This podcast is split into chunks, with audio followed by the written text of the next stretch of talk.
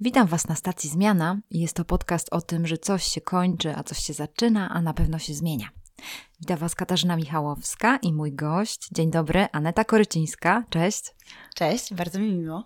Super, że jesteś z nami. Dzisiaj słuchajcie taki niezwykły podcast, ponieważ będziemy rozmawiały o tym, czego każdy z nas doświadczył w życiu, czyli każdy z nas musiał się nauczyć polskiego. Prawdopodobnie większość z nas musiało zdać maturę z języka polskiego, doświadczyło blasków i cieni edukacji, jeżeli chodzi o, o to, jak zostaliśmy nauczeni, jak się nauczyliśmy uczyć i takie różne rzeczy, ale głównie dzisiaj chciałam, żebyście poznali super kobietę Anetę Korycińską, która jest super babką. Ta rozmowa będzie będzie z dużą energią. Zapraszam Was do słuchania.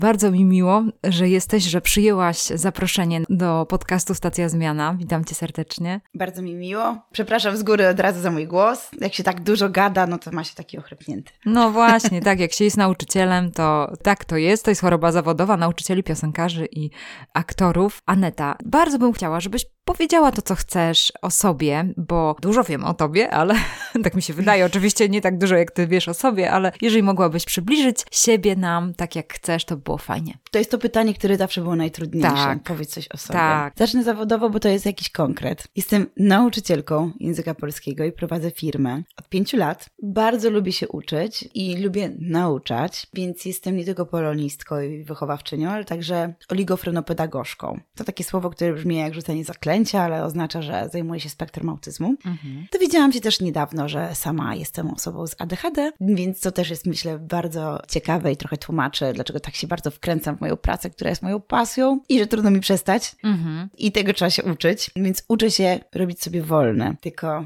to jest też niezbyt łatwe, ponieważ co to znaczy wolne? To znaczy to przyjemność czytania książek? Świetnie, to jest dla mnie zawód. Mhm. Więc y, wiele przyjemności, czyli właśnie mówienie o tym, co mi pasjonuje, o książkach, o literaturze, o języku i sprawianie, żeby jednak do każdego indywidualnie dotrzeć i dopasowywać sposób uczenia do konkretnej osoby, to jest coś, co jest po prostu moją pasją, więc y, niestety mówię te, te słowa, chociaż wiem, że jednak mówienie o tym, że twoja praca powinna być twoją pasją, to jednak jest nieprawda, bo wtedy się z tej pracy nie wychodzi mm -hmm. i to jest to niezdrowe, więc ja właśnie to przeżywam.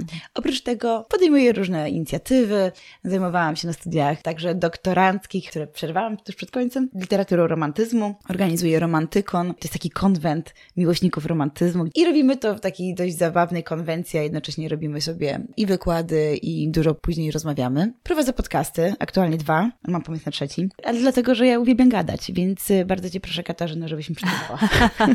Jak mówisz o tym, że trudno Ci jest odpoczywać i że tak Cię wciąga ta robota, bo to dużo ludzi tak ma, zwłaszcza że takich, którzy się tak angażują. Ja też tak samo. I jedną z rzeczy, które zastosowałam gdzieś, że też w planie swoim i w celach umieściłam ten wypoczynek jako zrealizowanie celu, więc było mi łatwiej. Ja też mam w kalendarzu. No właśnie, tak. I wtedy ten cel i tam konkretnie trzeba to e, opisać, co tam by trzeba było zrobić, czyli cel wypicie kawy i popatrzenie przez okno, obserwowanie sikorek, co tam mhm. ostatnio nowego zrobiły i tak dalej, więc sobie tam czasami rozpisywałam tak dosyć precyzyjnie, jak powinnam odpocząć, bo inaczej zapracuję się na śmierć, tak jak, tak jak mówisz o sobie w pełni, cię rozumiem, bo ja mam w tych mocnych stronach, mam wewnętrznego takiego aktywatora, który zrealizuje dużo rzeczy, ale muszę też odpoczywać i ty również musisz odpoczywać. Ja też zaczęłam sobie wpisywać momenty relaksu, na przykład o, spacer z psami godzina. tak, ja to mam w kalendarzu wpisane. No, dokładnie. Wtedy pomaga na przykład liczenie, ile zrobiłaś kroków, bo to jest już konkretny cel dla takiej osobowości, że na przykład, że tam musisz zrobić ponad 10 mhm. tysięcy kroków i to wtedy pomaga. No i jeszcze kocham zwierzęta, to jeszcze muszę powiedzieć. I jeszcze z wykształcenia też jestem behawiorystką zwierzęcą. I chociaż może nie brzmi to zbyt poprawnie, ale tę wiedzę wykorzystuję bardzo często w relacjach mm, międzyludzkich. No proszę, no. Brzmi dobrze, brzmi dobrze.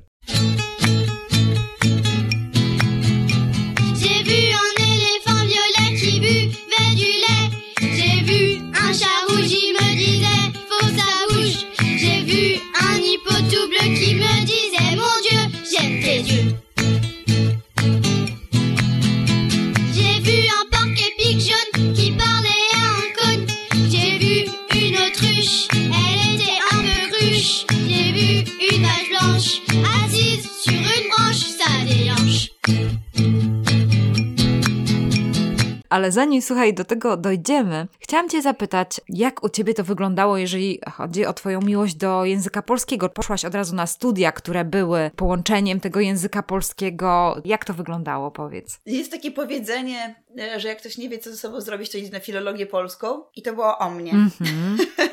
ja miałam w życiu wiele pasji, wiele rzeczy mnie interesowało i byłam typem dziecka, które miało dobre oceny ze wszystkiego. I to jest nieszczęście. Ja po prostu się starałam, pokonywałam swoje różne trudności i lęki, żeby przede wszystkim mieć dobre oceny. Oczywiście nie dlatego, że moi rodzice tego wymagali. Oni nawet nie wiedzieli, do której klasy chodzę, bo nawet nigdy nie byli wzywani do szkoły i musieli mnie pytać o to. Generalnie mama mówi, że ja byłam takim małym, starym dzieckiem i mówiłam zawsze dość poważnie i na takie tematy, na które dzieci niezbyt często rozmawiają i wolałam się bawić sama. Więc to mnie fascynowało. Fascynowała mnie biologia i fizyka. I to z fizyki brałam udział w olimpiadzie, ale kiedy doszłam do trzeciej klasy liceum e, z dobrymi wynikami, wtedy zachorowałam. Mm. Miałam problemy troszeczkę z nerkami i trochę mnie nie było. I jak wróciłam, to byłam nieklasyfikowana z wielu przedmiotów, więc sobie od razu nadrobiłam te wszystkie przedmioty, oczywiście, żeby mieć dobre oceny. I tak sobie pomyślałam, dobra, muszę sobie raz w życiu odpuścić, więc do matury się przygotuję lepiej za rok, a teraz tak po prostu pójdę i ją napiszę. Mm-hmm. No i tak zrobiłam. Nie wiedząc dalej, co z sobą zrobić, bo myślałam, to będzie taki rok na przeczekanie i później się zastanowię. Tak sobie dałam wtedy rok. Poszłam, zalamował wtedy siostry mojego pierwszego chłopaka. Jak ty zawsze tak dobrze pisałaś, to może idź na filologię polską na UW. Ja mówię, no dobra. I to był jedyny kierunek, na który się zgłosiłam. I się dostałam w pierwszej rekrutacji, od razu miałam super wynik. Okazało się, że ta matura w ogóle, której się nie uczyłam. Nie powinnam tego mówić. Może będą słuchać tego moi uczniowie, ale się naprawdę nie uczyłam do matury. Uczyłam się do matury mhm. z języków obcych. To faktycznie. I do WOS-u, ale no polskiego nie. Bo regularnie pisałam i czytałam. I poczułam, że ja po prostu tak mogę wejść i ją napisać. I tak też zrobiłam. I okazało się, że super mi poszło. Miałam tam 98% z rozszerzenia, pamiętam ten wynik, który był dla mnie dużym zaskoczeniem. I to był najlepszy wynik, chociaż do innych rzeczy się uczyłam. No i poszłam tę filologię polską i myślałam, dobra, tam przeczekam. Nigdy w życiu nie chciałam być nauczycielką. Jak na testach kompetencji w liceum wyszło mi, że powinnam być nauczycielką, to moi wychowawczyni, wówczas polonisty, powiedziałam, ja sobie tak życia nie zmarnuję.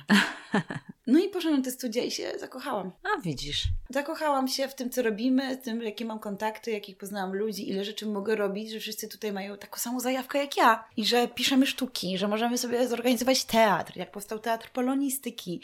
Robiłam koło naukowe Jusza Słowackiego, konferencja za konferencją. I to było cudowne środowisko ludzi, tak samo mogę powiedzieć odklejonych jak ja, bo w małych miejscowościach, w jakich mieszkałam, raczej chodziło się pić piwo pod most po koncercie, a nie rozmawiałam wtedy ze znajomymi o książkach. A tutaj znalazłam ten swój świat. To jest też piękne, że odkryłaś to i pokochałaś, prawda?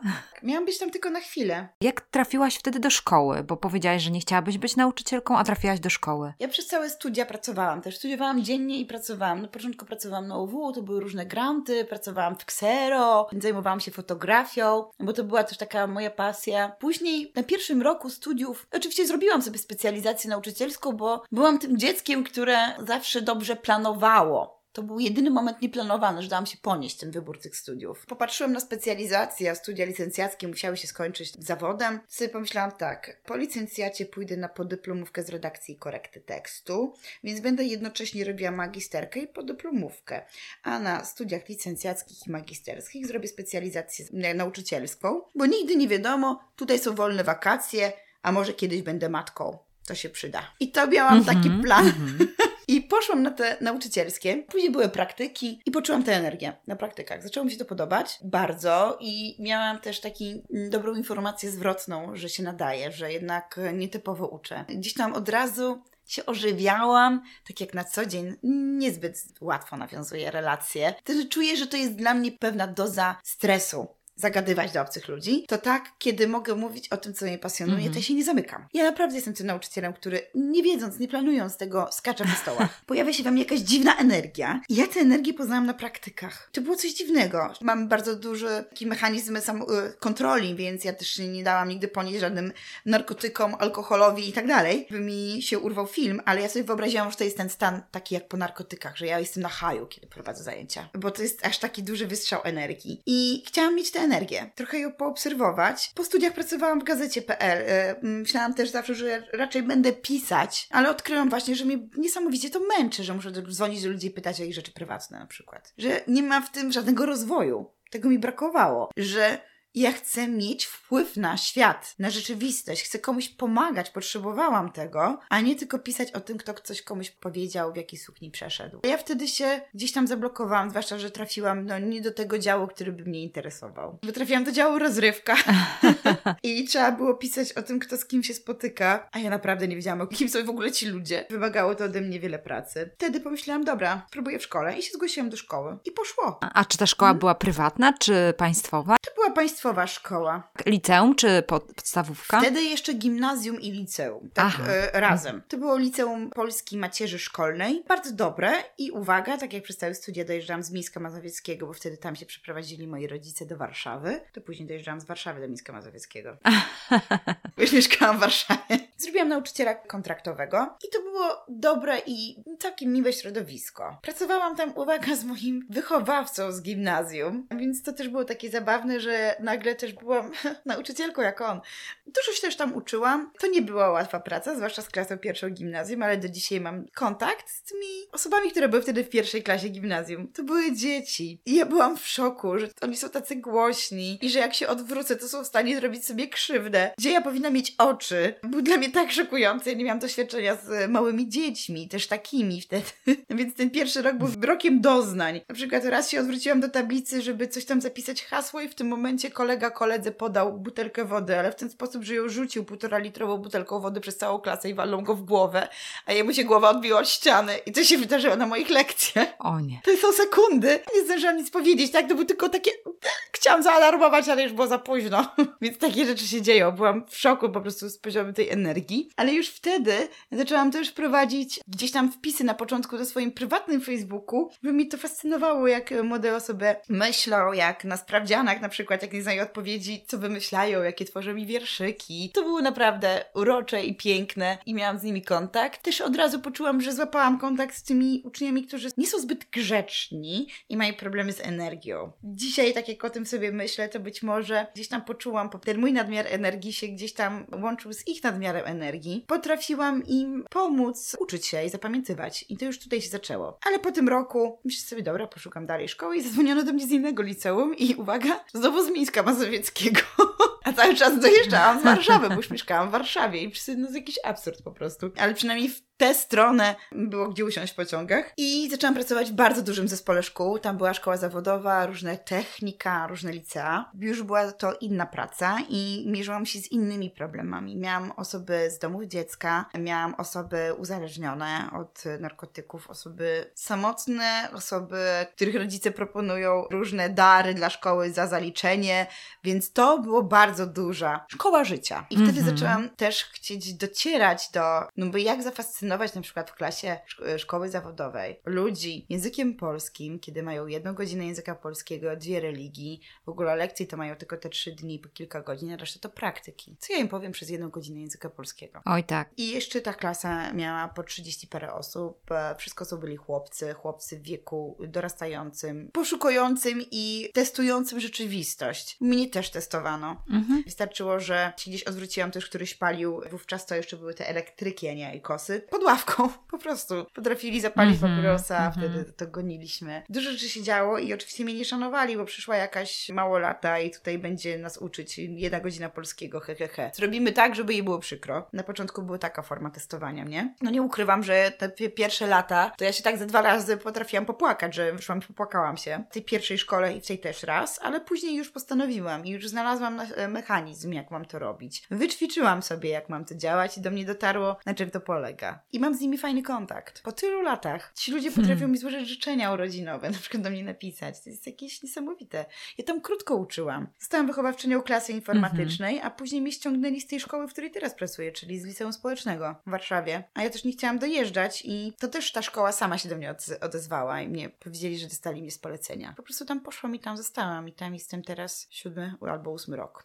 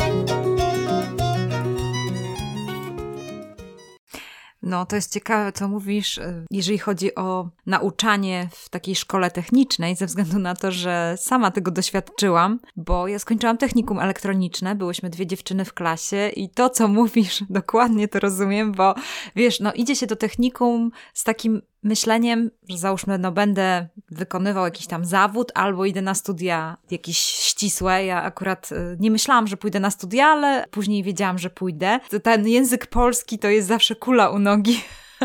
Ale to jest bardzo ciekawe. W tym kontekście w ogóle języka polskiego i takiego rozwoju człowieka, że nagle okazuje się, że osoby, które są takie bardzo ścisłe, skoncentrowane na tym programowaniu albo na takich y, ścisłych rzeczach, nagle odkrywają, że ten polski ma sens, że, że to nie jest tak, że, że to jest jakiś przedmiot bez sensu, że to jest jakiś przedmiot chochlik. Jedna sprawa jest taka, że są zmuszone do tego, żeby się nauczyć, bo jeżeli muszą zdać maturę, to muszą zdać y, z polskiego, ale wydaje mi się, że w tym języku języku polskim jest ukryta nasza historia, nasze zrozumienie, kim jesteśmy, dlaczego tak, a nie inaczej wygląda nasz kraj, dlaczego tak, a nie inaczej się komunikujemy, dlaczego jeżeli poje, pojedziemy na zachód, to załóżmy w Poznaniu inaczej to funkcjonuje, a jeżeli pojedziemy Podlaskie, to będzie inaczej. Więc tam jest dużo, dużo odpowiedzi. I to jest ciekawe, bo my też to odkrywaliśmy, chociaż powiem Ci, że miałam panią od polskiego, która mówiła coś takiego, że ona nie musi tu przychodzić. Tak naprawdę jej mąż tyle zarabia, że ona tylko tą pensję przeznacza na waciki. Trafiałaś do szkoły prywatnej, przeszłaś z, tak, z takiej szkoły technicznej, więc zupełnie inny świat, drugi świat, no bo pierwszy to był tamta gimnazjum, tutaj drugi świat technikum i y, takie szkoły zawodowe, a teraz jesteś w szkole prywatnej. No i jak to wygląda? Szczerze mówiąc, ta szkoła społeczna, ten duży zespół szkół e, ze szkołą zawodową, to ten rok był najlepszą nauką. Bardzo lubię Uniwersytet Warszawski, ale tam przecież poznajemy głównie teorię. Na praktykach zawsze jesteśmy gdzieś tam w jakiejś takiej bańce opiekuńczej, więc tego się nie pozna. To wejście do tego środowiska, e, ta nieprzyjemności na przykład, jakieś dziwne relacje, które odkrywałam jako nowa osoba w, między nauczycielami, którzy pracują ze sobą od 20 lat. To było dla mnie bardzo szokujące. I ja się tam najwięcej nauczyłam, jak mam być sobą. Byłam bardzo dobrze sprawdzona, bo pani dyrektor nie chciała mnie przyjąć do tej pracy, bo uznała, że skoro robię studia doktoranckie, to na pewno jestem tutaj tylko na chwilę. Ale dwie i pół godziny mnie maglowała ze wszystkich programów które czytałam, bo po prostu przeczytałam i gdzieś tam to, co przeczytałam, miałam, mam taką chyba łatwość zapamiętywania, ale nigdy nawet na uniwersytecie nikt ode mnie tego nie wymagał. Mówiłam o różnych przypadkach, o różnych pomysłach. Dodam, że mnie wtedy przyjmowano do pracy i miałam zielone, zielony kucyk. Więc myślę, że ten zielony kucyk też był tym, żeby sprawdzić, czy ja naprawdę coś wiem. Bo trochę nie pasowałam, chociażby wizerunkowo przez ten zielony kucyk, a ja na doktoracie przeżyłam moment, w którym uznałam, że ja pracowałam ciągle, byłam czymś zajęta też jako nastolatka, więc to jest ten moment, kiedy już mam magistra, że mogę sobie zrobić to, o czym marzyłam gdzieś tam od dziecka. Zawsze była najpierw praca, więc trochę ten okres dorastania sobie przesunęłam na y, czasy doktoratu. Takie testowania typu właśnie zielone włosy, później dredy, na przykład też miałam już jako nauczycielka. Tatuaże, miałam bardzo dużo tatuaży. Oczywiście robiłam wszystkie tak, żeby ich nie było widać wtedy jeszcze, czyli pod ubraniami ale ta szkoła była dla mnie y, najlepsza, bo ja wtedy zrozumiałam, że nie ma czegoś takiego jak uniwersalne uczenie, tylko ja muszę dotrzeć do każdego indywidualnie i pokazywać im tak, że to może być fascynujące. I już wtedy odkryłam, że klasy techniczne, y, tak, tak zwane umysły ścisłe, e, mówię tak zwane dlatego, że to jest nieprawda. Dokładnie. To jest troszeczkę tak, że jest mi z nimi łatwiej, bo ja wkładam tylko pendrive do tego komputera. Gorzej z humanistami. Tu jest więcej trudności, żeby pokazać im zasady, bo wielu osobom wydaje się, że język polski to jest takie pitu-pitu, a później przychodzą konkrety, słownictwo naukowe, konkretne formy budowania argumentów, a jeszcze najgorsze, części zdania, rozbiory zdania i okazuje się, że to są jakieś wzory i to wszystko zależy. To nie jest dowolne, gdzie stawię przecinek. Czy właściwie to mówię takim, tym osobom, którym się wydaje, że ten polski to takie nic, nic konkretnego, pitu-pitu, to ja muszę włożyć cały komputer, bo oni mają pendrive. Tak więc zawsze lubiłam pracować z osobami, które były postrzegane jako umysły ścisłe. W klasach zawodowych odkryłam, że skoro otwieram podręcznik i pierwsza lekcja to jest wiersz do Matki Polki. To jest ta lekcja, której nie przeprowadziłam i często to powtarzam jako anegdotę, bo tam jest w ogóle bez wprowadzenia, co to jest ten Mickiewicz, co to jest ten romantyzm? W gimnazjum nie było uczenia epokami. Nagle walą tym Mickiewiczem do matki Polki jeszcze wiersz taki, że oni już wiedzą, że ten polski to patos i śmierdzi.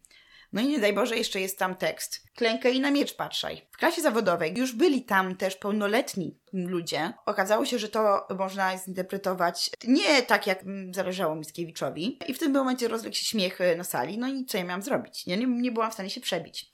Już od następnej lekcji wiedziałam, jak się mam przebić. To jest ta pewność, że ta szkoła mi też nauczyła pewności siebie. Jak mam wejść, jak mam zacząć mówić, żeby mi zaczęto słuchać. Jak mam przyciągnąć ich wszystkich. Więc zaczęłam robić show. I rozdałam im teksty też różne hip-hopowe i na nich robiliśmy sobie interpretacje. I ja z nimi analizowałam to, co tu, co dzisiaj potrzebne i też im tłumaczyłam, do czego może im się to przydać. No jeżeli sobie słuchają e, rapu, to dobrze, żeby wiedzieli, czy się z tym zgadzają z tymi słowami, czy nie. Jeżeli przyjdzie ich dziecko i się spyta, tato pomóż mi przy lekcjach, to raczej nie chcesz e, mu powiedzieć tak jak w konopielce. Słońce wschodzi na, e, na wschodzie, a zachodzi na zachodzie. Tak? No i raczej dziecko będzie od ciebie chciało widzieć w tobie mentora. I to były takie moje początki. Nie mówię, że to jest idealna metoda, ale tak zaczęłam testować. Siebie przede wszystkim. I docierać do nich. I naprawdę to było super. Później jeszcze jak odeszłam z tej szkoły, to zapraszali mnie na swoje studniówki i do mnie pisali i jak mieli jakiś problem z polskim, to też mi dawali znać. Nawet podsyłali mi zdjęcia z lekcji polskiego i pisali, że panią pozdrawiamy. Całą klasą na przykład. Nawet z nowym nauczycielem się ustawiają. Więc to było bardzo miłe. Poczułam się tam przyjęta przez to grono uczniowskie. Nauczycielskie też, bo tam przyjęli e, kilkoro ludzi takich młodych, którzy też zaczynali w tym momencie, tak jak ja, w tej szkole. Więc my gdzieś tam tam e, znaleźliśmy ze sobą kontakt i do dzisiaj gdzieś tam myślę o, o tych ludziach ale byłam tam krótko. Później było to też bardzo intensywne. Ciągłe spotkania z pedagogami. Po godzinach, po pracy, siedzenie w pokoju dyrektorskim, na przykład z moim wychowankiem. Na przykład wielokrotnie zaznawałam na policji, więc to było duży ładunek doświadczenia. Doświadczenia, o którym się nie mówiło na polonistyce. Nagle odkryłam. No ja pamiętam swoją frustrację, że ja tu przyszłam mówić o wierszach dramatach, a nie wychowywać. Skąd ja mogę wiedzieć, jak mam wychowywać dziecko? Sama jeszcze mm -hmm. czułam. Dopiero co dzieckiem tak. przecież. Mm, tak. No ale później wzięła mnie szkoła, w której pracuję, właśnie szkoła społeczna, no, mhm. czyli za którą się płaci. Jaka jest różnica, kiedy idziesz do takiej szkoły społecznej i co wtedy, jakie nowe wyzwania stanęły przed tobą i zmiany? Pamiętam, że miałam w ogóle ze cztery rozmowy kwalifikacyjne. Wałkowali mnie na różne sposoby. Na przykład wchodząc do szkoły, dostałam temat i miałam iść poprowadzić lekcje i ta klasa, której prowadzę lekcje, miała mnie oceniać, a z tyłu siedziała inna polonistka i dyrektorka. Stresujące, stresujące. Tak, zwłaszcza, że no, raczej jak wiesz, jaką lekcję poprowadzisz, to się zdążysz przygotować. A tutaj tak jakoś tak działa, że w takim stresie to nie wiem skąd wyciągam jakieś e, ciekawostki z głowy. I poszłam, chociaż to była najnudniejsza lekcja. Ja sama nigdy nie prowadzę tej lekcji, bo w sensie tematu Andrzej Frycz-Modrzewski. Błagam. Po co to komu? Tak? Ale mhm. poprowadziłam to, miałam jakieś ciekawostki i tak dalej i tutaj się udało. Pamiętam, że specjalnie na te rozmowy kwalifikacyjne kupiłam sobie koszulę, które mam do dzisiaj, bo ja nie wiedziałam, co to za szkoła. A wchodzę do szkoły, a ludzie chodzą, w, nauczyciele chodzą w koszulkach z minionkiem. Naprawdę tak było. Co jest? Ja tu chciałam być taka porządna. I co gorsze, w mojej poprzedniej szkole podpisywały się kontrakty z uczniami, jeżeli wychodzili palić papierosy. A tutaj Ludzie na korytarzu sobie rozdają papierosy i wychodzą i patrzy, jest róg nauczycielski i róg uczniowski. No proszę. Tak, więc to było dla mnie e, szokujące, bo gdzieś tam musiałam się nauczyć zasad, a tutaj jest zmiana.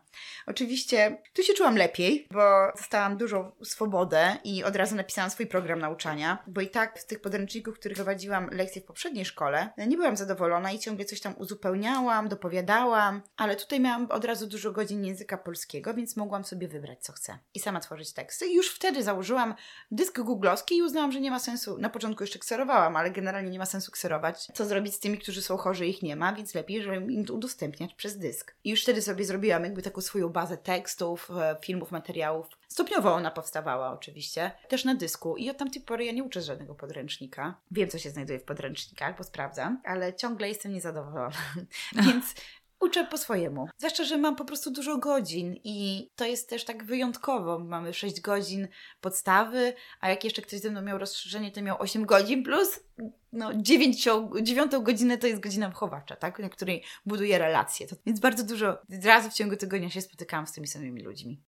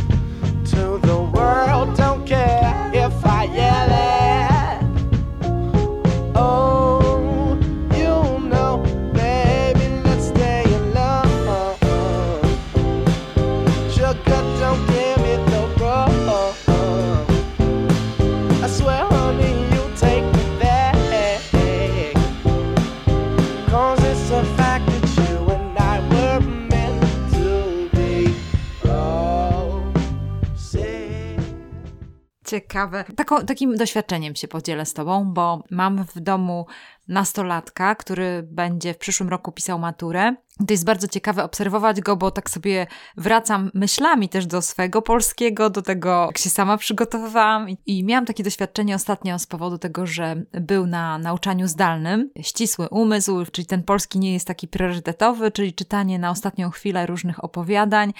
No i słuchaj, wy, wybiega z pokoju, mówi, czy oni wszyscy zwariowali? Co to jest za pomysł, żeby dawać takie opowiadanie, jak rozdziobią nas kruki i wrony? Przecież to wprowadza traumę w człowieka. To jest jakiś dramat. No i ja wtedy, wyrażając empatię, mówię, no przykro mi bardzo, wszyscy przez to przechodziliśmy. Ta trauma jest załamująca i mogę ci tylko wyrazić, no taki żal i smutek, że Żeromski obdarował nas takim opowiadaniem, które jest tak po prostu obrzydliwe, że, zwłaszcza, że jeżeli się ma wrażliwość w stosunku do zwierząt i innego człowieka. No i tak sobie myślę o tym, że różne, różne tutaj lektury przechodzą w domu, tak jak Sienkiewicz przez nas został ok okrzyknięty ksenofobem. Cudownie, też tak uważam. I to było ciekawe, bo wzrok tego nastolatka, mhm. który jest geekiem komputerowym i siedzi tylko w grach i mówi, mamo, dlaczego on tak pisze na przykład o protestantach, dlaczego on tak źle pisze tak. o muzułmanach, dlaczego on tak źle pisze o jakichś innych religiach. No więc też mieliśmy dobre, dobry czas na, na dyskusję, ale ogólnie sobie myślałam o tym, kurczę, że no niesiemy ten bagaż tej naszej martyrologii i ty, Aneta, masz wielkie wyzwanie, żeby po prostu jakoś przeprowadzić te dzieciaki przez, ten, przez tę naszą mar martyrologię, ale z drugiej strony, kurczę, żeby oni już nie żyli tą martyrologią, żeby żyli no, jakimś innym życiem, żeby po prostu inaczej patrzyli na rzeczywistość. E, czy ty też tak na to patrzysz? Mhm, tak, przede wszystkim. Czytamy hmm. nie dlatego, żeby wierzyć we wszystko, tylko żeby się konfrontować z tym. Filolog to znaczy krytyk, to znaczy ciągle musisz się z tym zderzać. Ja po trzech latach, no teraz będzie po czterech, tak, bo tyle będzie się w, w liceum. Zawsze mówię, że jeżeli wierzyli w moje interpretacje, to zmarnowali właśnie trzy albo cztery lata życia, dlatego że po to czytasz, żeby utworzyć swój system wartości. Ja im mówię, jak ja to odbieram, albo podjudzam ich przede wszystkim, notorycznie zadając pytania raz w jedną stronę, raz w drugą, także oni nie bardzo wiedzą, co ja sądzę, bo chodzi mi o to, żeby oni się pokłócili. Dla mnie najlepsza lekcja jest taka, kiedy ludzie się kłócą na temat lektury. I ja doprowadzam ich do tego, żeby oni się frustrowali. Nie ma tak, że raz jedno mówi, raz drugie, tylko oni mają przeżywać to. Bo mi o to chodzi w tym. Kiedyś pamiętam, najlepsze lekcje z lalki były takie, że dziewczyna nawet trzasnęła tak drzwiami, że klamka wypadła. Bo się pokłócili o Wokulskiego, czy on jest stalkerem, jest w porządku wobec Izabeli, czy jednak jego szkoda. I się do tego stopnia pokłócili, że zrobiły się różne frakcje w klasie i te dziewczyny naprawdę tak, że klamka jeszcze była takim krop, była taką kropką nad i. Byłam zachwycona, że udało mi się to zrobić. Ja ich też szokuję i od początku, od pierwszej klasy prowadzę takie zajęcia, żeby chociażby sprawdzili, co jest poezją, a co nie jest, co jest sztuką, a co nie jest. Każdy sam sobie to wymyśla. Robimy takie ćwiczenie, jakie proponowała Marina Abramowicz. Robiła taki performance, to im, też im tłumaczę, o tym pokazuję im fragment z TEDa, że trzeba było usiąść naprzeciwko siebie i patrzeć sobie w oczy. I to jest bardzo mocne. I oni później mówią o swoich wrażeniach czy czuli się komfortowo, czy się nie czuli komfortowo, dlaczego. Kiedy mówimy o trenach, to chcę, żeby oni te treny żeby się nimi zachwycili, żeby je przeżyli. Więc robię z nimi Katarzynę Boni, współczesny tekst, też warsztaty umierania. I nie każę im przeżyć tych warsztatów umierania, tylko im czytam teorię, na czym to polega. Że wypisujesz sobie na karteczkach rzeczy, które są dla ciebie ważne. Czytam, ja, zamykasz oczy, ja czytam historię o kobiecie, która właśnie się dowiaduje, że ma raka, że ma nowotwór. I za każdym razem, jak otwierasz oczy, musisz coś odrzucić. I oni tylko słuchają tej historii i sobie wyobrażają siebie. Oni nie każę im wchodzić w to, bo to może być za mocne, nie jestem mm, terapeutką. Ale oni nagle później czytają inaczej tego Kochanowskiego. E, przeżycie straty. Zwłaszcza, że jeżeli mówię o tym, że Orszulka wcale nie istniała, że to jest e, raczej takie wejście, no właśnie w to, że życie i śmierć mamy notorycznie. Tylko dzisiaj e, jest ona ukryta. Nie widzimy jej na ulicach a jednak musimy jakoś przeżyć żałobę i stratę, więc rozmawiamy dużo o żałobie, do, rozmawiamy dużo o śmierci, więc to są takie tematy, które kształtują człowieka. A jeżeli chodzi o tematy martyrologiczne, ja im tłumaczę, jak to było wtedy i dlaczego, no i się pytam, czy te teksty jeszcze żyją, czy się nie zestarzały. No, lalka się nie zestarzała, dlatego jest arcydziełem literatury, bo do dzisiaj wywołuje emocje. Oni się potrafią nią pokłócić. A jeżeli mówimy o takich tematach martyrologicznych, to oni tego nie czują. Więc ja im też mówię, ej, ale Mickiewicz też tak naprawdę nie czuł i powiedział, dopóki nie został prześladowany, to w ogóle nie myślał o patriotyzmie. Przede wszystkim zrzucam ich z piedestałów. Mówię najgorsze rzeczy o wszystkich poetach i pisarzach, jakieś smaczki z życia prywatnego. I myślę, że to ich fascynuje. Oni pamiętają dużo wtedy o tej biografii. On już nie jest jakimś tam nazwiskiem, które trudno dopasować, bo nie pamiętam do tytułu, tylko mówię, co na przykład sprawiło, że tak pisali. Mówię o Żeromskim dlaczego tak pisał. Mówię o Żeromskim, który napisał Dzieje Grzechu i nawet czytam im fragmenty Dziejów Grzechu, że to było pier pierwsze polskie literackie porno, za które można było dostać wilczy bilet do szkoły, ale za to egzemplarze książek Żeromski przeliczał na cegły, bo budował dom dla rodziny. Tutaj na tym zarobił. Więc też rozmawiamy o tym, co było kiedyś literaturą popularną, a my teraz to czytamy jako literaturę piękną. Łączymy to współczesność. Jak robimy Odyseję, pokazuje i Konana Barbarzyńcę ze Schwarzeneggerem, to sobie muszą i mają szukać wątków, a później piszą pracę na temat przejść, ewolucji motywu bohatera. I oczywiście dochodzimy do Wonder Woman i tak dalej, do Cruelli, tak, to te rzeczy się pojawiają od tego Odyseusza. I ten Odyseusz wcale nie jest fascynujący, bo nawet go nazywają głupim mędrcem albo mądrym głupcem. Tak tutaj się zastanawiamy. E, czytamy Penelopiadę Margaret Atwood żeby zobaczyć Odyseję z perspektywy kobiety. Przy średniowieczu czytamy Wiedźmina, mhm. żeby też e, zobaczyli, że książki to nie jest tylko nudne i jakimś tym dziwnym językiem pisane, tylko że to współcześnie po prostu nam się pojawia wiele wątków, więc może warto dlatego znać te podstawy i się z nimi zderzać czy to jeszcze aktualne, czy nie. No i często dochodzimy do takich wniosków, że jednak ludzie się nie zmienili przez te wszystkie wieki. Nadal mamy te same potrzeby, więc tutaj są teksty uniwersalne, które właśnie mówią o emocjach, o przeżyciach, o byciu człowiekiem, a idee patriotyzmu cały czas się zmieniają. Jak i mówię o tym, że Mickiewicz napisał pana Tadeusza, żeby zjednoczyć e, wszystkich emigrantów w Paryżu, bo powstało wiele partii politycznych i głównie to były działy na lewica-prawica, to oni mówią, kurczę, tak samo jak teraz, też, też są tylko dwie. W sumie mhm. możemy przypasować do lewej czy do prawej. Więc tak staram się ich uczyć, żeby to odnosić cały czas do ich życia, do codzienności.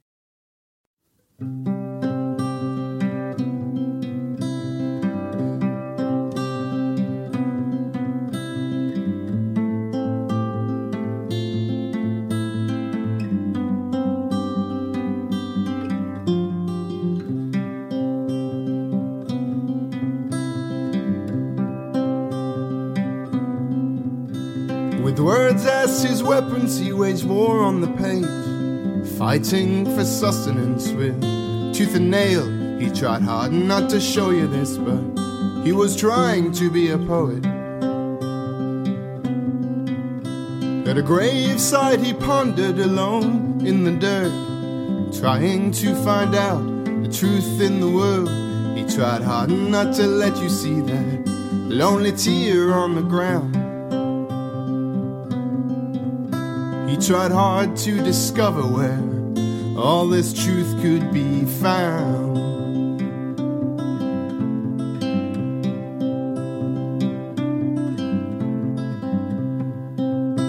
He tried to read prose just to keep up the pace.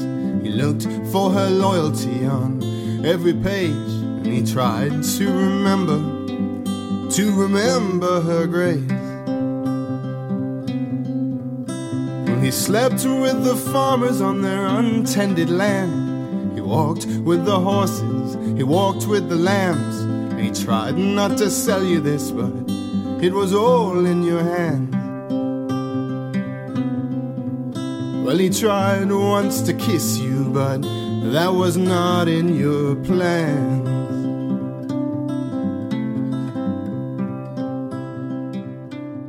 To ja teraz, Aneta, lepiej rozumiem, jak to wygląda u ciebie, ta decyzja związana z założeniem własnej działalności, do tego, żeby stać się babą od polskiego, bo tak naprawdę to know-how, które wymyśliłaś, to jest y, coś niezwykłego, żeby umieć połączyć mainstream z jakimiś wierszami, autorami z przeszłości i nadać im tą, y, tą siłę i, i barwę, bo to daje, to jest czymś takim, że młodzież wtedy rozumie, po co w ogóle się uczy tego polskiego. I to jest naprawdę mega odpowiedź i podpowiedź, na przykład dla rodziców, którzy słyszą to narzekanie od swoich dzieci. O ludzie, po co ja mam się tego uczyć? Po co ja mam to czytać? Ja już nie wytrzymam, ja już nie mogę. Więc ty tutaj masz tę odpowiedź i to jest fajne. No i chciałabym jakoś ciebie zapytać, jak to się stało, że ty wymyśliłaś tą swoją firmę, jak to się stało, że zaczęłaś to robić i być przedsiębiorczynią, co też nie jest takim inną, innym doświadczeniem, jeżeli chodzi o polonistkę, bo inaczej jest być nauczycielką i e, dostawać pensję e, i pracować z młodzieżą, a inaczej już być przedsiębiorczynią. To jest zupełnie inny rodzaj e, działalności i też umiejętności. Przez lata pisałam różne ciekawostki u siebie na swoim prywatnym Facebooku i wiele ludzi mówiło, daj to udostępnić innym. Więc nie tak jakoś, no co ty, tak ja udostępnić innym, tak o lekcjach. Zresztą w międzyczasie jeszcze przeżywałam moją inną pasję, to znaczy byłam menadżerką muzyczną. To mi też dawało jakąś taką otwartość, no dobra, tutaj się zajmuję zawodowo, ale przecież ja nie wychodzę z tej pracy, a później w międzyczasie jeszcze ogarniam różne trasy koncertowe. No jednak myślę sobie, dobra, może trzeba to rozdzielić, bo jednak ten mój Facebook, jakiś taki tu koncert, tutaj ciekawostka z życia. Zrobię stronę i pamiętam, jechałam tramwajem i wymyśliłam, dobra, założę stronę internetową i tam to po prostu będę wrzucać różne ciekawostki, wypowiedzi uczniowskie, memy, które cały czas mi powstawały już wtedy w głowie, jakieś absurdy z lekcji, które się pojawiają. Wymyśl, wymyśliłam to w tramwaju, no, że to ma być tak, jak uchowajcie szlugi, bo facetka idzie, na takiej zasadzie. No to też jakoś ta baba od polskiego. Kim jestem? No babą od polskiego. I tak pomyślałam, że to jest trochę żartobliwe. Więc to po prostu tak wrzuciłam i to jeszcze nie była firma oczywiście. I ta strona jakoś tak zaczęła mi się rozrastać. Nikogo nie zapraszałam z znajomych, żeby wtedy dołączył do grona. Po prostu była, zaprosiłam mamę. I wiedziałam, że zawsze będzie lajk od mamy. Ale po stopniowo ludzie przychodzili. Przychodzili nie tylko ci, których znam. I chyba zaczęło to się podobać. I nie myślałam o tym jako o czymś wow, tylko takim moim miejscu w sieci, gdzie mogę tam e, sobie powrzucać. I już jadąc do pracy, na przykład jakiś żarcik, co tam dzisiaj będę robiła. I raczej w formie żartu. Nawet był taki moment, że uczniowie pisali mi na sprawdzianie jakieś e, swoje myśli, żarty, co żebym wrzuciła na stronę. Więc z boku tam gdzieś tam zapisywali, więc dotarli do mnie. Ja się wtedy jeszcze ukrywałam na Facebooku, nie było mnie pod imieniem i nazwiskiem. To jeszcze były te czasy, kiedy można było mieć jakiś pseudonim na Facebooku. Bo też nie wiedziałam, czy to mhm. dobrze, żeby nauczyciela znajdowali ale okazało się, że u mnie w szkole, po pierwsze, to też już e, zapomniałam to powiedzieć, wielu osób było z nauczycielami na ty i to też dowiedziałam się o tym na rozmowie kwalifikacyjnej. Ja poprosiłam o tym, żeby jednak być panią Anetą, bo w tej poprzedniej szkole, jak uczeń do mnie powiedział pani Aneto, to wylądował na dywaniku dyrektora, który to usłyszał. Więc to już jest ogromna zmiana. O proszę. Mnie to nie obraziło. Mhm. Ja, ja z nimi tak rozmawiałam, więc ja nie zauważyłam, co, to, co miało to w tym być nie w porządku. No ale oczywiście to szkoła, która trzymała się wielu jakichś przestarzałych zasad. Miał się do mnie odezwać pani profesor, gdzie ja profesorem nigdy nie byłam. E, więc e, biedny wylądował na dywaniku, wtedy u dyrekcji. A tutaj wszyscy byli na ty. Więc ja im mówiłam, że ja proszę jeszcze, żeby do mnie mówili pani Aneto, bo chyba będę się czuła niezręcznie, jakbym musiała na przykład stawić jedynkę albo dwójkę komuś, z kim jestem na ty. Jeszcze nie czułam, że da się to przeskoczyć. I miałam anonimowo, ale zaczęli też przychodzić, odnaleźli mnie uczniowie. Zobaczyłam, że wśród swoich znajomych mają też innych e, ludzi z kadry nauczycielskiej. No przecież ja nie wstawiam żadnych zdjęć z alkoholem ani nic takiego. Z tych koncertów też nie wstawiam za żadnych zdjęć, więc co mi szkodzi? I ten Messenger jest też dobrą formą kontaktu. I zaczęliśmy robić grupy po prostu klasowe na Messengerze.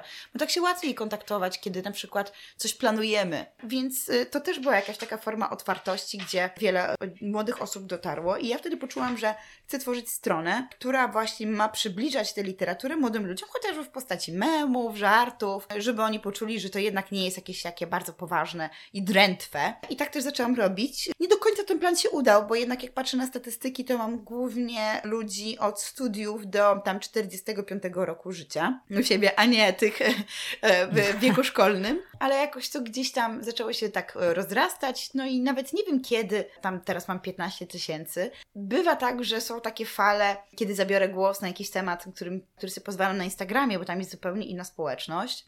Poruszę ten temat na Facebooku, to bywa oburzenie, dostaję jakieś groźby czasami od ludzi. To są właśnie te tematy takie polityczne, często patriotyczne. Ostatnio było chociażby w kwestiach e, rasistowskich. Właśnie a propos Kalego z Pustyni w Puszczy i tego, że Rada Języka Polskiego uznała, że słowo murzyn jest właśnie słowem określeniem pejoratywnym. I to, co zrobiła się jakaś jadka na Facebooku, bo tak dużo ludzi przychodziło tam, bardziej po memy niż po to, co ja tam robię. I co jakiś czas jest mm -hmm. przesiew e, ludzi, którzy do mnie przychodzą, bo którzy przychodzą tam tylko po memy, ale postanowiłam, że już nie będę ostrożniejsza z tym, co publikuję na Facebooku i, i zaczęłam publikować też to, co na, na Instagramie, to też i na Facebooku bo jednak jedni korzystają z tego, drudzy korzystają z tego. Zaczęłam też to umieszczać e, na stronie internetowej. Stronę internetową budowałam od samego początku jako taką bazę materiałów dla ludzi, którzy poszukują, jak się mają uczyć, z wyjaśnieniem, na przykład jakie są procesy fleksyjne i dlaczego tak, a nie inaczej. To nie ma być sama teoria, tylko wyjaśnienie, tak jakbym to mówiła. Spotykałam później ludzi w swoim życiu, którzy mówili, przepraszam, czy pani baba od polskiego? Wy tak, baba, bo wie pani co, uratowała pani całą naszą rodzinę, bo naprawdę nie potrafiliśmy tego dziecku wytłumaczyć i znaleźliśmy na pani stronie. Proszę. I wielokrotnie, tak, wielokrotnie gdzieś jestem i mam wrażenie, że ktoś na mnie patrzy, ktoś podchodzi i mówi, przepraszam, czy pani baba? Więc to ta baba bardzo mnie tutaj bawi. I też długo nie pokazywałam swojej twarzy w ogóle na fanpage'u, na Instagramie. Jakoś tak nie czułam, że w ogóle muszę, ale otworzyła mnie na to pandemia. To, żeby w ogóle mówić e, też e, online, żeby występować przed kamerką e, i okazuje się, że nie ma to, to w ogóle nie mnie nie stresuje, jest jakąś taką dla mnie normą. A wcześniej odczuwałam duży stres. Miałam różne propozycje kanałów na YouTubie, ale czułam, że ja się nie, nie, nie, nie, przed kamerą ja nie, nie, nie. Nie mogę siebie widzieć, nie.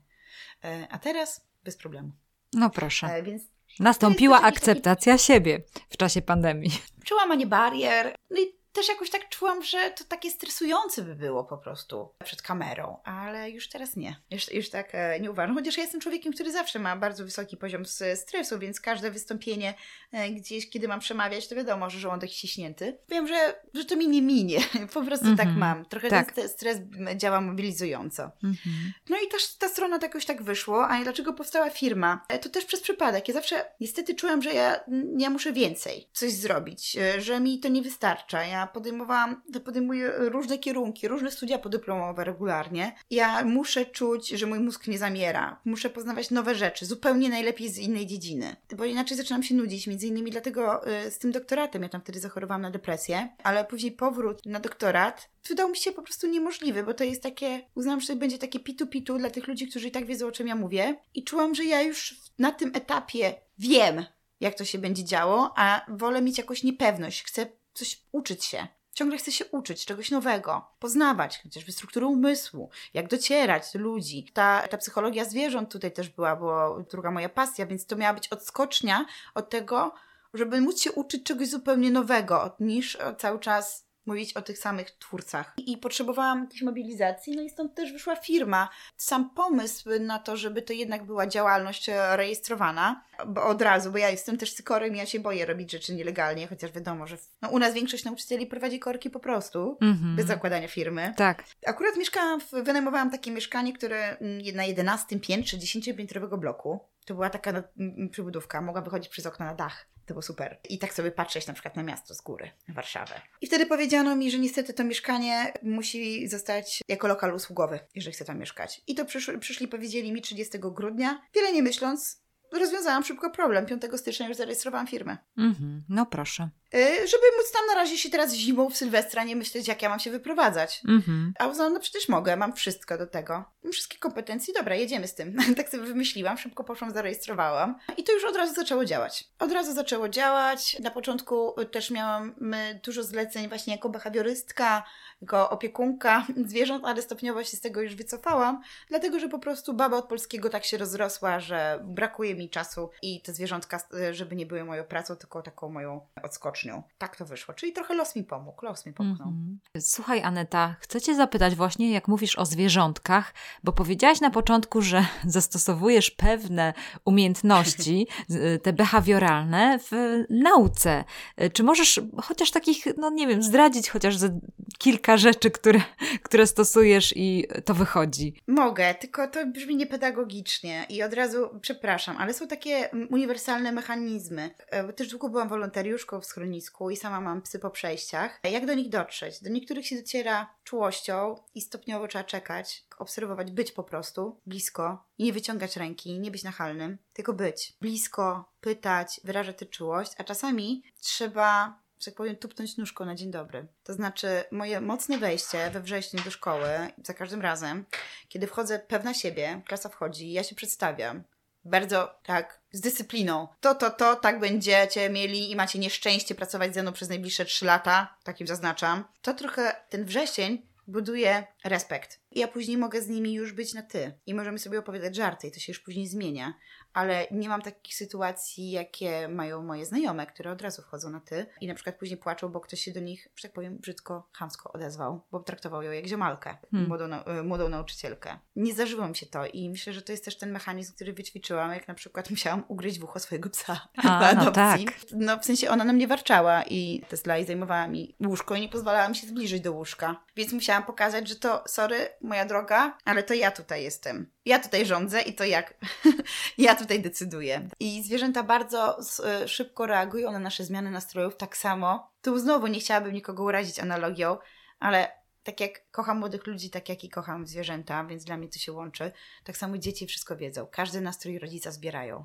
Oni nie muszą go rozumieć, one go czują. I stąd później myślę w życiu dorosłym e, takie wielkie zamiłowanie do terapii, która wiele nam e, prostuje w życiu, bo wiele rzeczy z dzieciństwa musimy sobie przerobić chociażby y, to, jak nas traktowano, albo jak rodzice nam nie mówili, albo mówili za dużo. To tak samo jest z dziećmi, one wszystko wiedzą. Kiedy ja miałam depresję, to moje psy, oczywiście, że były wyczulone, tak, i były mnie blisko, one nie dość, że strasznie wyły i zaczęły się rzucać na inne psy, żeby mnie ochronić, to jeszcze niesamowicie ciągnęły, bo czuję, że jestem słaba na spacerach. Mhm. Więc y, ja straciłam pozycję w stadzie. To jest też wyczuwalne, że to ja muszę mieć siłę prowadzić to stado i one są wtedy spokojne. Jak ja znowu miałam kolejną depresję, oczywiście uderzyła mnie znowu w pandemię, znaczy to jest tak, że ja po prostu będę ją miała. Leczę się, jestem cały czas pod lat pod opieką, ale czasami bywa tak, że ona nawraca mocniej i trzeba sobie szybko poradzić. I ja sobie nie zdałam z tego sprawy, ale mój pies to wiedział. Nie mogłam wychodzić nawet do pracy nigdzie, bo sąsiedzi się skarżyli, że on tak strasznie wyje. Po prostu włączył mu się lęk separacyjny. Pracowałam z nim, ale uznam, że trudno jest mi pracować ze swoim własnym psem, skoro jestem ciągle w domu. A jednocześnie mam trzy, więc mi się to gdzieś rozpada, więc skontaktowałam się z behawiorystką. No i ostatecznie wniosek był taki, że on wyczuwał mój niepokój przed każdym wyjściem z domu. Mm-hmm. I on mnie bronił. On był, bo, no bo mnie bronił. Nie dlatego, że on się bał zostać w domu, tylko mnie się działa krzywda. Mm-hmm. Całe to moje napięcie zbierał. I dzieci też nam zbierają te napięcia. I nie tylko dzieci w podstawówce, gimnazjum, lecz także w liceum, o czym się przekonuję, bo mam to szczęście w nieszczęściu, że, że młodzi ludzie obdarzają mnie zaufaniem. I mówią też o różnych relacjach domowych. Te relacje nie są z perspektywy rodzica tragiczne. One są z perspektywy człowieka, który kształtuje właśnie swój system gdzieś tam odbierania świata, kształtuje swoją inteligencję emocjonalną. One są przerażające. I drobiazgi, drobne słowo albo jego brak w danym momencie sprawia, że ten człowiek podupada. I też y, ta rola w mojej szkole od, od początku była taka, że ja miałam być nie tylko nauczycielką, tylko od razu tutaj wszyscy wchodzą też w rolę takiego pierwszego słuchacza nie powiem terapeuty, bo żeby być terapeutą trzeba mieć odpowiednie wykształcenie. No ja jestem tą oligofrenopedagogzką, ale my się uczymy, dużo mamy y, kursów z tego i pracujemy też oczywiście ze szkolnymi psychologami. To znaczy my jesteśmy jako pierwsi, ci nauczyciele. Są wybrani wychowawcy, teraz zawsze podwójni, bo jak ci jeden nie pasuje, nie możesz z nim znaleźć kontaktu, to ten drugi, ale możesz sobie wybrać swojego wychowawcę. Nie musi on być twoim przydzielonym. Czyli ja sama jestem taką wychowawczynią dla ludzi z nie mojej klasy. Znaczy oni się do mhm. mnie przychodzą i zwierzają i ja kieruję dalej. Co można zrobić, jak można pomóc, jak e, porozmawiać z rodzicami, ustalam to z dzieckiem zawsze. Co mogę przekazać rodzicom? Rozmawiam z psycholożką, radzę się, a później robimy spotkania wspólne. Wymyślamy pracę. No wielokrotnie było tak, że na przykład z rodzicami nie dało się współpracować, bo ludzie mają różne podejście do chociażby psychoterapii, a dziecko ma jawnie depresję i samo o tym mówi, a rodzice nie zgadzają się na przykład na takie pitu-pitu, za które trzeba tak płacić. Nie czują, że to jest ważne, tylko mm myślą, że to jest wymyślanie problemów, żeby zwrócić uwagę. Nawet jeżeli, to to dziecko ma prawo zwrócić na siebie uwagę, jeżeli ma potrzebę bycia zauważonym. Powiem Ci szczerze, Aneta, że zawsze mówię wszystkim nauczycielom, że wykonują no mega ważny zawód y, i niestety jest tak, że też y, to jest przykre, bo też y, zawód nauczycielski wielokrotnie był wykorzystywany w walce politycznej, często się takie wysokie oczekiwania są postawione albo nie wiem, uwagi, że, że to nie tak i tak dalej, ale, ale wiem o tym, bo też sama tego doświadczyłam, kiedy stanął na mojej drodze dobry nauczyciel, jak wiele mógł dać wsparcia i zrozumienia i jak to wiele znaczyło, że to rodzice to za mało w pewnym wieku. Tak samo właśnie to jest super co robisz, Aneta, że, że jesteś tym pierwszym słuchaczem i że możesz komuś powiedzieć, że, że to jest normalne, że on tak ma, że to nie jest nic złego, że tak ma, bo inni też tak mają, bo masz szersze spojrzenie i wiesz, że są ludzie różni i mają różne uzdolnienia albo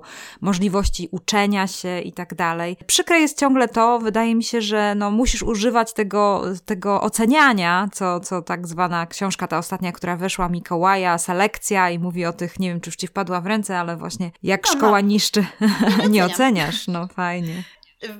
Nigdy w życiu wypracowań nie zrobiłam na ocenę, bo uważam, że to jest trening. Schodzi mi się oczywiście i za każdym razem e, trochę sobie poprzeklinam w domu, e, bo robię bardzo długie recenzje i wszędzie zaznaczam, co jest nie tak i wszystko opisuję, jak to poprawić, bo uważam, że to jest trening. U mnie zaznaczone jest, że nie oddane, jak ktoś nie oddaje wypracowań, ale ważne jest, żeby oddać w terminie i wtedy możemy poprawiać do końca, do końca, do końca, ile chcesz. Do skutku, do skutku, do skutku, aż, że tak powiem, zatrybi. A co tu chodzi? Więc też e, poprawy są do skutku.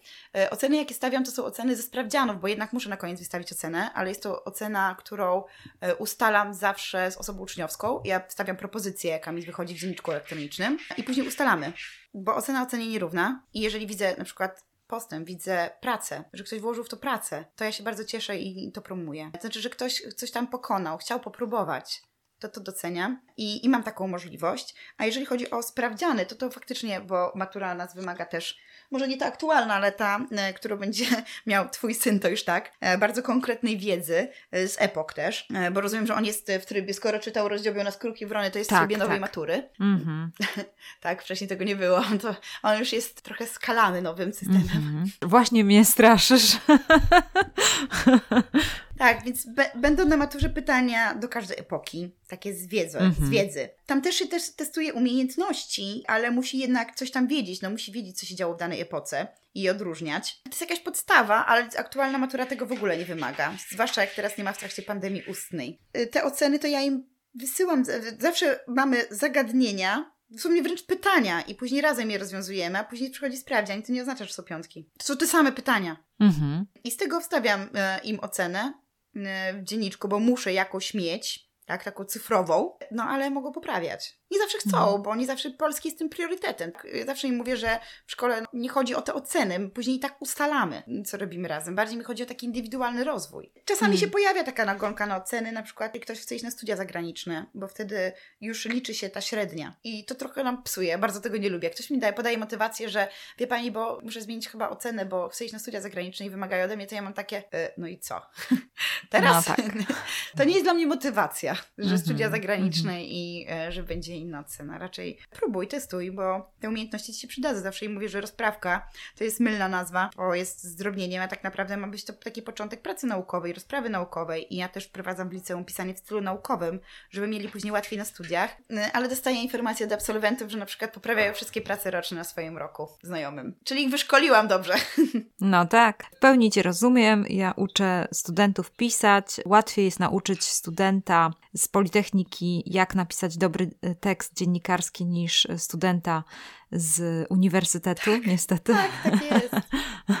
Bo to jest takie automatyczne, takie procesowe, jeżeli chodzi o pisanie dziennikarskiego tekstu i skupienie się na faktach. To samo w stylu naukowym. No właśnie, tak, też styl naukowy jest podobny. Aneta, już lądując w naszej rozmowie, chciałabym prosić Cię o może takie słowo zachęty, wiesz, bo myślę, że, że raczej ludzie, którzy nas słuchają, mogą być w wieku rodziców, tak jak ja, i mieć e, dzieciaki, które zmagają się w cudzysłowie z tym językiem polskim. Co byś powiedziała rodzicom, jakbyś mogła?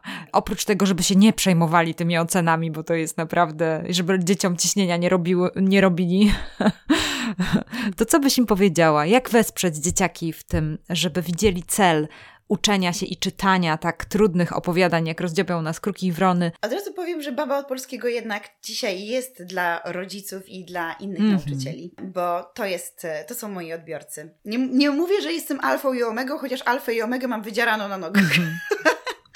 ale chcę pokazać, że nauka ma być zabawą. Jedyny sens nauki to jest taki, kiedy dziecko podchodzi do niej z radości. Jeżeli będzie podchodziło, Jezu, nie chce mi się, to on się niczego nie nauczy. On może chodzić, może mogą rodzice płacić 8 lat za korki, nie wiem, z niemieckiego i to dziecko się tego niemieckiego nie nauczy i nie będzie posługiwało się nigdy tym językiem.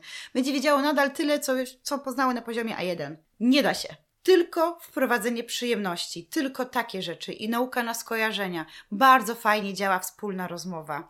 Ja wiem, że rodzice ciężko pracują dzisiaj i będą jeszcze ciężej i nie ma czasu na te dzieci. Takie, na taką rozmowę, żebym teraz jako rodzic siadała i czytała tak, rozdział nas kruki i wrony.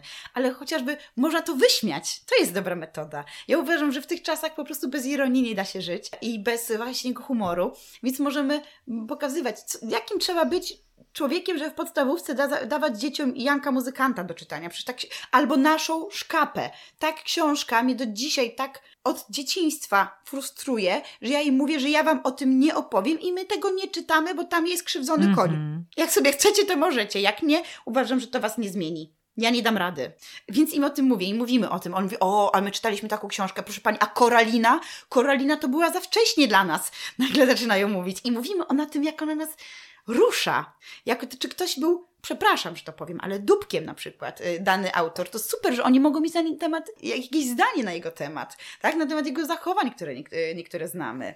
Jak postępował. Albo Słowacki jest często nazywany bucem, a później się cieszą jednak, y, kiedy on wyzywa Polskę w grobie Agamemnona i nagle mówią, kurczę, to jednak ten romantyzm to nie jest taki patos. Więc żeby testować, że to nic nie jest oczywistego i dzięki temu będą mogli łatwiej rozumieć, myślę, dzisiejsze słowa, także właśnie podawane w mediach, podawane przez polityków, będą mogli to dobrze oceniać. Musi być umiejętność krytycznego czytania i w ogóle krytycznej oceny, nieustannie. Bez tego krytycyzmu będziemy brać wszystko tak, jak nam dają.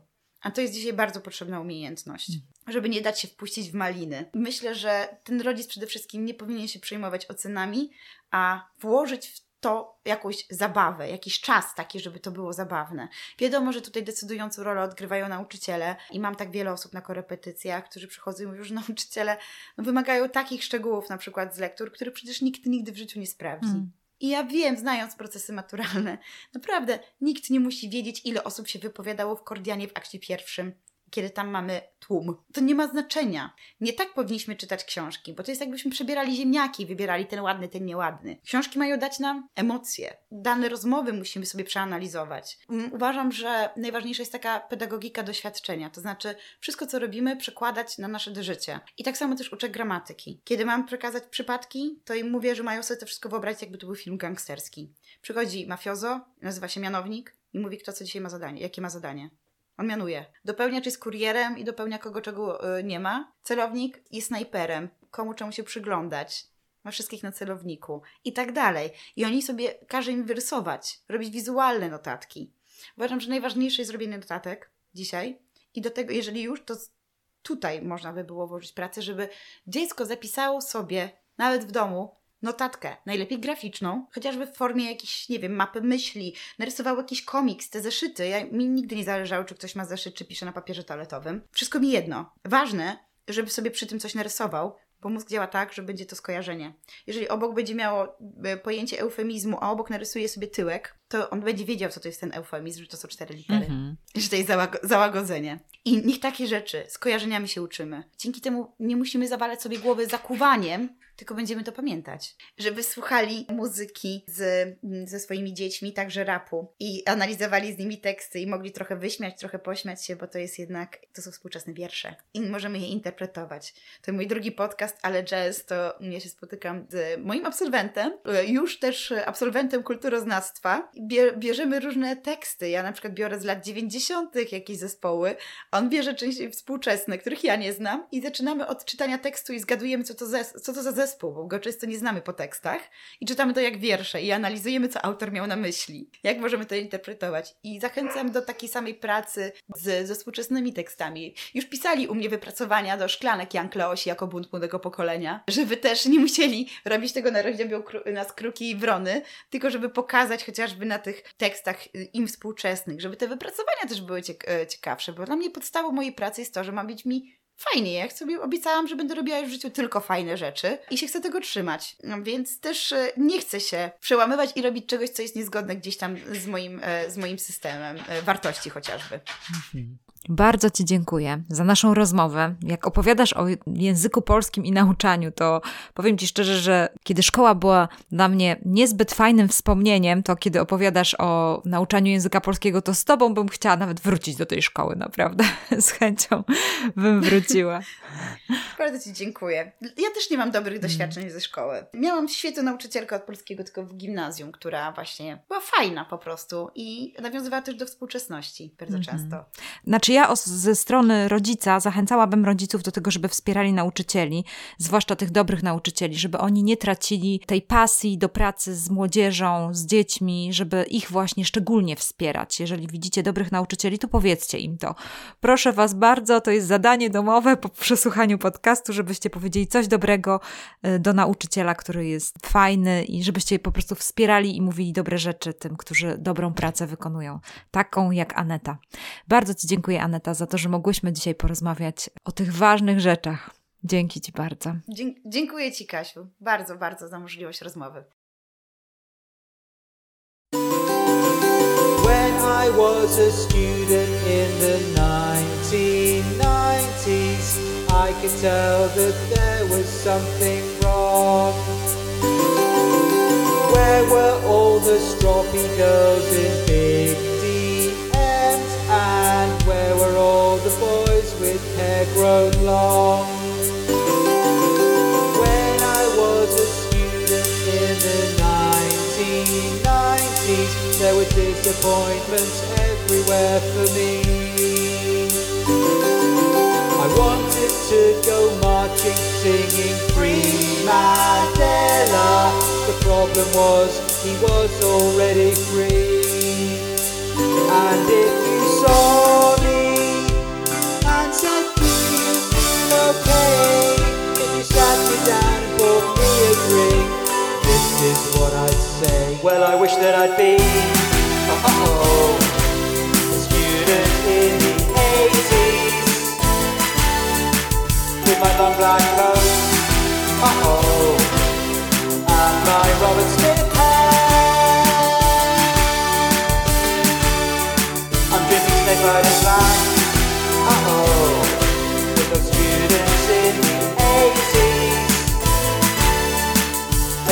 in their. Uh oh. And they act like they just don't.